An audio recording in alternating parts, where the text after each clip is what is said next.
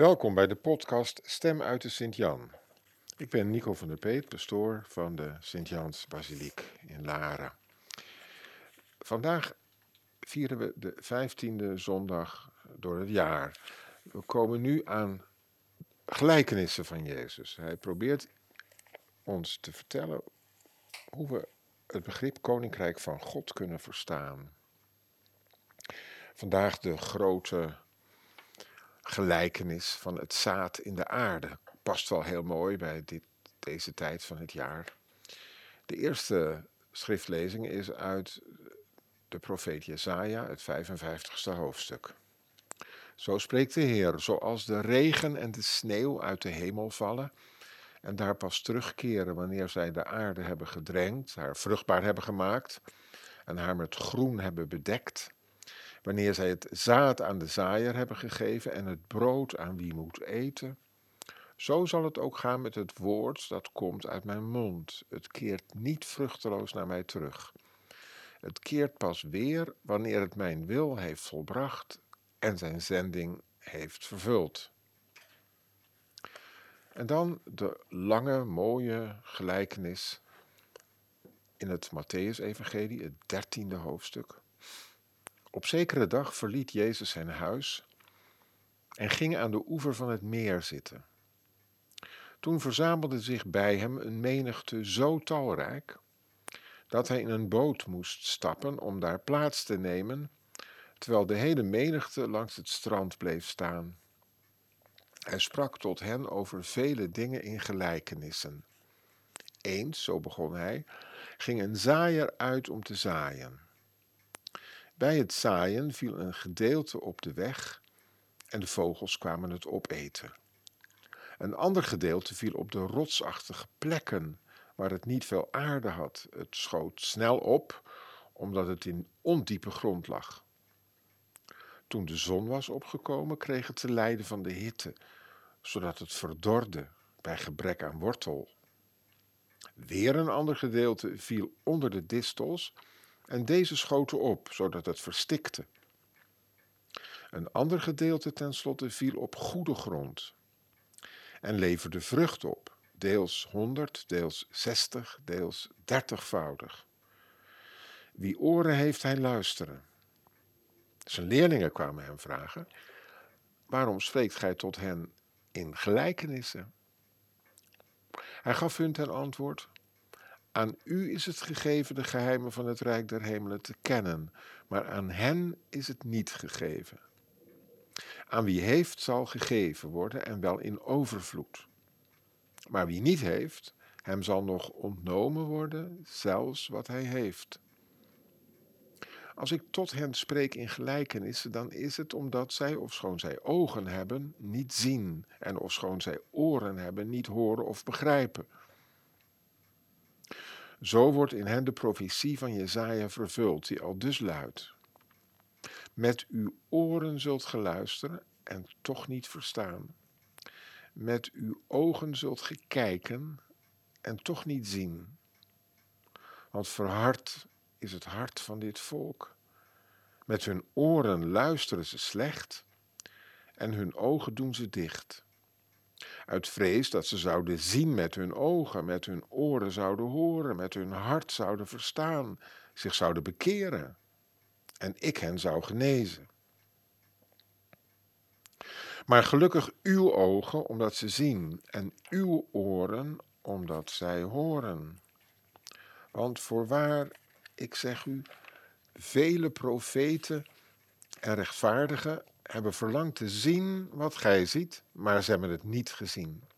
En te horen wat gij hoort, maar ze hebben het niet gehoord. Gij dan, luistert naar de gelijkenis van de zaaier. Zo dikwijls iemand het woord van het koninkrijk wel hoort, maar niet begrijpt, komt de boze en rooft weg wat gezaaid ligt in zijn hart.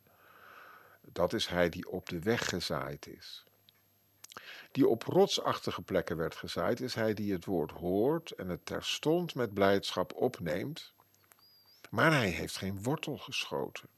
Hij leeft bij het ogenblik. En als hij omwille van het woord onderdrukt of vervolgd wordt, komt hij onmiddellijk ten val. Die gezaaid werd tussen distels is hij die het woord wel hoort, maar dit wordt door de zorgen van de wereld en de begoocheling van de rijkdom verstikt. En zo blijft het zonder vrucht. Maar die in goede aarde wordt gezaaid, is hij die het woord hoort en begrijpt en daarom vrucht draagt. Bij de een is de opbrengst honderdvoudig, bij een ander zestigvoudig en bij een ander dertigvoudig.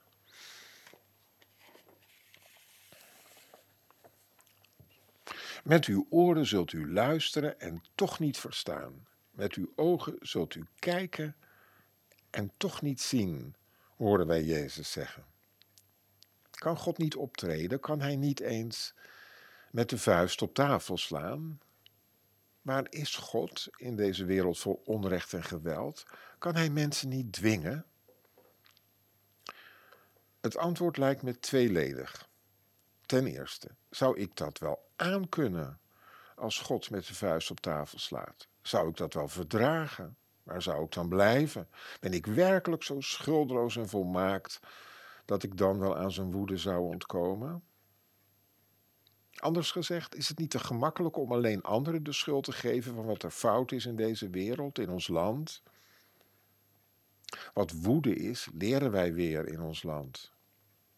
Mensen worden het slachtoffer van woedeaanvallen en scheldpartijen, soms jarenlang. Op de sociale media en bij enkele zelfs vlak voor de deur van hun woonhuis. Kan God niet door de menselijke onwil heen breken met de vuist op tafel slaan? Een tweede mogelijk antwoord. Jezus houdt ons voor dat de mens vrij is. Hij of zij kan wel of niet luisteren. Mensen kunnen ervoor kiezen hun oren dicht te stoppen. Een gedicht zegt: Hoor, maar ik wil niet horen. Mijn oren dichtgestopt, mijn adem opgekropt, mijn hart van leegte zwaar. God staat machteloos tegenover opzettelijke menselijke doofheid. Machteloos ook tegen de zware leegheid waarvoor mensen soms kiezen. De mens is vrij geschapen naar Gods beeld en gelijkenis, in wezen even soeverein en vrij als God. Dat is een geweldige kans. Zo is onze menselijke waardigheid. Het is een uitnodiging en een uitdaging tot menselijk leven, ja, tot een goddelijk leven. Maar het antwoord kan dus ook nee zijn. Hoor, maar ik wil niet horen. Dan, zo lijkt het, staat God machteloos. Hij drukt niet door als een dictator, maar is een en al uitnodiging, vraag. Want, horen we, verhard is het hart van dit volk. Met hun oren luisteren ze slecht en hun ogen doen ze dicht. Uit vrees dat ze zouden zien met hun ogen, met hun oren zouden horen, met hun hart zouden verstaan, zich zouden bekeren en ik hen zou genezen. Dat is nog een taal. Jezus citeert hier de grote profeet Jesaja, die het zag gebeuren dat de samenleving van zijn tijd te gronden ging, omdat het volk wegkeek, zich niet bekeerde tot gerechtigheid en menselijkheid. Pittige woorden voor een mooie zomerdag. Maar wij leren deze dagen weer dat er gevaar dreigt als je niet wil zien wat er gebeurt als je niet wil horen naar de noodkreet van de armen, de slachtoffers van de bureaucratie, de politici die worden beledigd, de buitengesloten vluchtelingen, de stervende natuur en de noodsignalen van het klimaat. Wie wel wil horen, zien en met zijn hart verstaan, kan niet anders dan zijn leven veranderen, de koers verleggen of in bijbelse termen zich bekeren. Minstens één vraag blijft over. Als God machteloos lijkt te staan tegenover menselijke hardheid, verdoving, onbewogenheid, hoe kunnen wij dan nog spreken of zingen van een almachtige God? Patrem omnipotentem klinkt het in het credo. Omnipotent. Je kunt het ook vertalen met: Voor God is alles mogelijk. God is één en al mogelijkheid, uitnodiging, kans, verrassing. Alle keuzes liggen open. Alles in ons kan veranderen. Bekering is elk moment mogelijk. Een God die ons niet dwingt. Want wat zou hij bereiken als hij ons dwong? Dan zouden wij tot willoze marionetten zijn gemaakt die voor het oog van de wereld doen wat geëist wordt, maar in het geniep ons eigen gang gaan. Jezus vergelijkt het woord, de uitnodiging van God aan de mensen, met het zaad in de aarde. Het gaat alleen iets doen, het kan alleen tot groei en bloei komen als de aarde vruchtbaar is. Als u en ik zijn als goede grond die vrucht voortbrengt, dan is alles mogelijk. Dan is er voedsel voor iedereen. Dan is er recht en vrede in overvloed. Dan is er respect voor iedere persoon. Hoe anders hij of zij ook denkt en leeft. Dan is er eerbied en liefde voor de goede schepping, de natuur. Mogen wij vruchtbare grond zijn voor het woord van God door Christus gesproken, die het vlees geworden woord is.